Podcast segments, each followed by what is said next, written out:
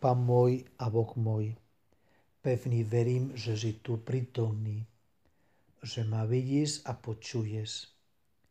Kláňam sa ti s hlbokou úctou. Prosím ťa o odpustení mojich hriechov a o milosť, aby som užitočne prežil túto chvíľu modlitby. Moja neposverná matka, svätý Jozef, môj otec a pán, môj aniel strážny, orodujte za mňa. Viem veľmi dobre, že Jezus hovorí s nami prostredníctvom Svetého písma. Preto čítanie Svetého písma, ako hovorí katechizmus, má sprevádzať modlitba, aby sa nadviazal rozhovor medzi Bohom a človekom. Lebo keď sa modlíme, prichovárame sa jemu, a keď čítame Božie výroky, počúvame Jeho. Boh nielen inspiroval slova Svetého písma, ale tiež Jeho slova nás inspirujú. Takto komentoval svätý Agustín. Evangelium je Božia ústa. On sedí na nebesiach, ale neprestane hovoriť tu na zemi. O tom sme presvedčení, preto môžeme dnes v našej modlitbi meditovať o tom, čo Jezus s veľkou láskou nám hovorí v Evangeliu tento týždeň na onši. Ja som dobrý pastier, dobrý pastier položí svoj život za ovci.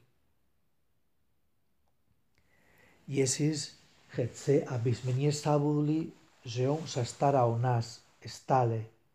Od rána až do tedy, keď ideme spať. A ešte viac, ako hovoril jeden cirkevný otec počas spánku. On pozera nás, stará sa o nás. Spomínať na jeho slova položím svoj život za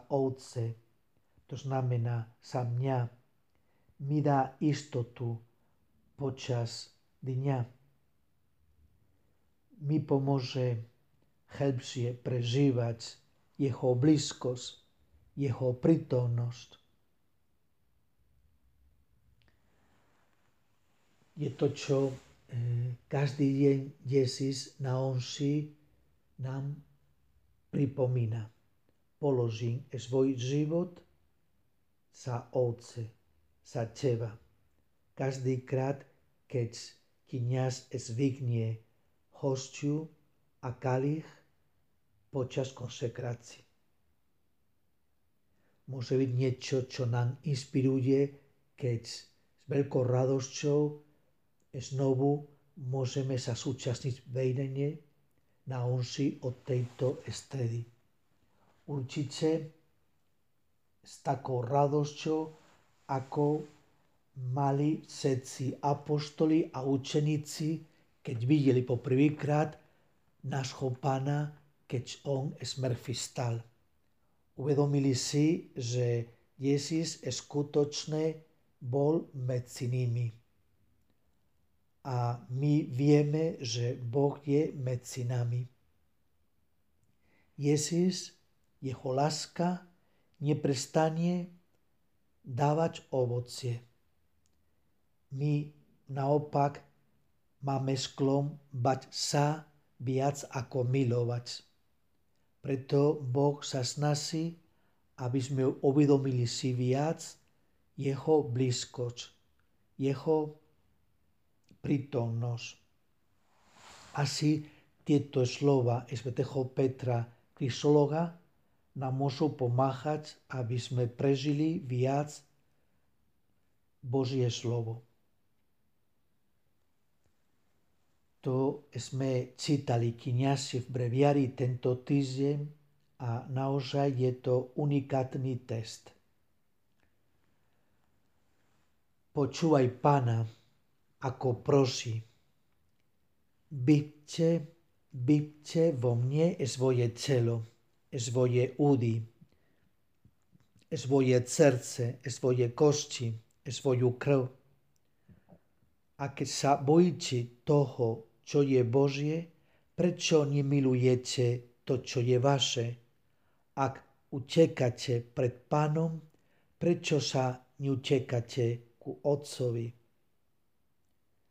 Poďte teda, dokončí, braťte sa a aspoň takto sa presvedte o otcovi. Veď vidíte, že sa za zle odpláca dobrým, za urážky láskou, za toľké rany takou láskou.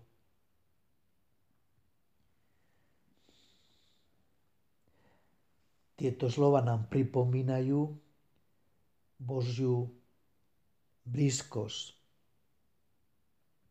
Jeho láska pre každého z nás, ale tiež tento spisovateľ, tento zvety chcel nám pripomínať, že okrem toho, okrem Božej lásky, Boh chce, aby sme každý z nás sa stal Božou obetou a preto i kniazom.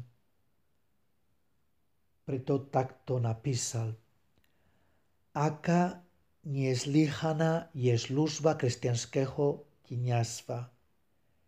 Keď si je človek sám aj obetou, aj kniazom. Keď si človek nehľada vonku, čo by obetoval Bohu. Keď človek prináša so sebou má v sebe to, čo chce obetovať Bohu za seba. Keď aj obeta zostáva tá istá, aj kniaz pretrváva ten istý. Keď obeta umiera a predsa žije. Keď kniaz, ktorý má obetovať, neusmrcuje. V podstate tieto slova nám hovoria, že sme boli všetci ustanovení za kniažov svojho vlastného života, aby sme prinásali duchovné obety. Ako tiež komentoval Každý z nás môže byť alter Christus, druhý Kristus, San Kristus.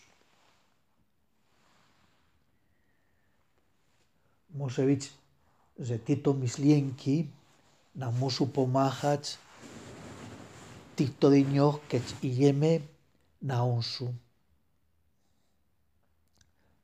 Prežívať viac, že Jezus položí svoj život za mňa a tiež ja môžem položiť svoj život za Boha, za môjho Pána, aj tiež za ostatných keď práve doniesem konkrétnu obetu na onšu, aby som urobil zo svojho srdca oltár, ako urobí Jezus.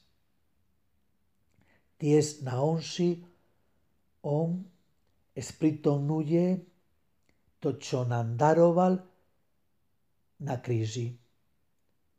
Jeho matku, našu matku ako matka tiež sa stará o nás. Je veľmi pekné to, čo povedal pápež Benedikt XVI, keď skomentoval, ako Bernadette vedela poprvýkrát pannu Mariu Lurdoch. To, čo ona všimla poprvýkrát, práve bol úsmev Panny Marie. Panna Maria posea nás usmiata. Pre nás môže byť veľmi inspirujúce vedieť, každý krát, keď obetujeme niečo sa jej syna a tiež sa jej ostatných synov, po celom svete, ona skutočne bude usmiata. Môžeme prosiť v tomto mesiaci o jej milosť, aby sme dokázali ako ona urobiť každý deň konkrétne obety ktorí ukazujú, môžu ukázať našu lásku k nášmu pánovi a ľuďom. Ďakujem ti, Bože môj, sa dobre predsavzatia, naklonnosti a unúknutia, ktoré si mi daroval v tomto rozjímaní. Prosím ťa o pomoc, aby som ich aj uskutočnil. Moja nepozvrná matka, svätý Jozef, môj otec a pán, môj aniel strážny, orodujte za mňa.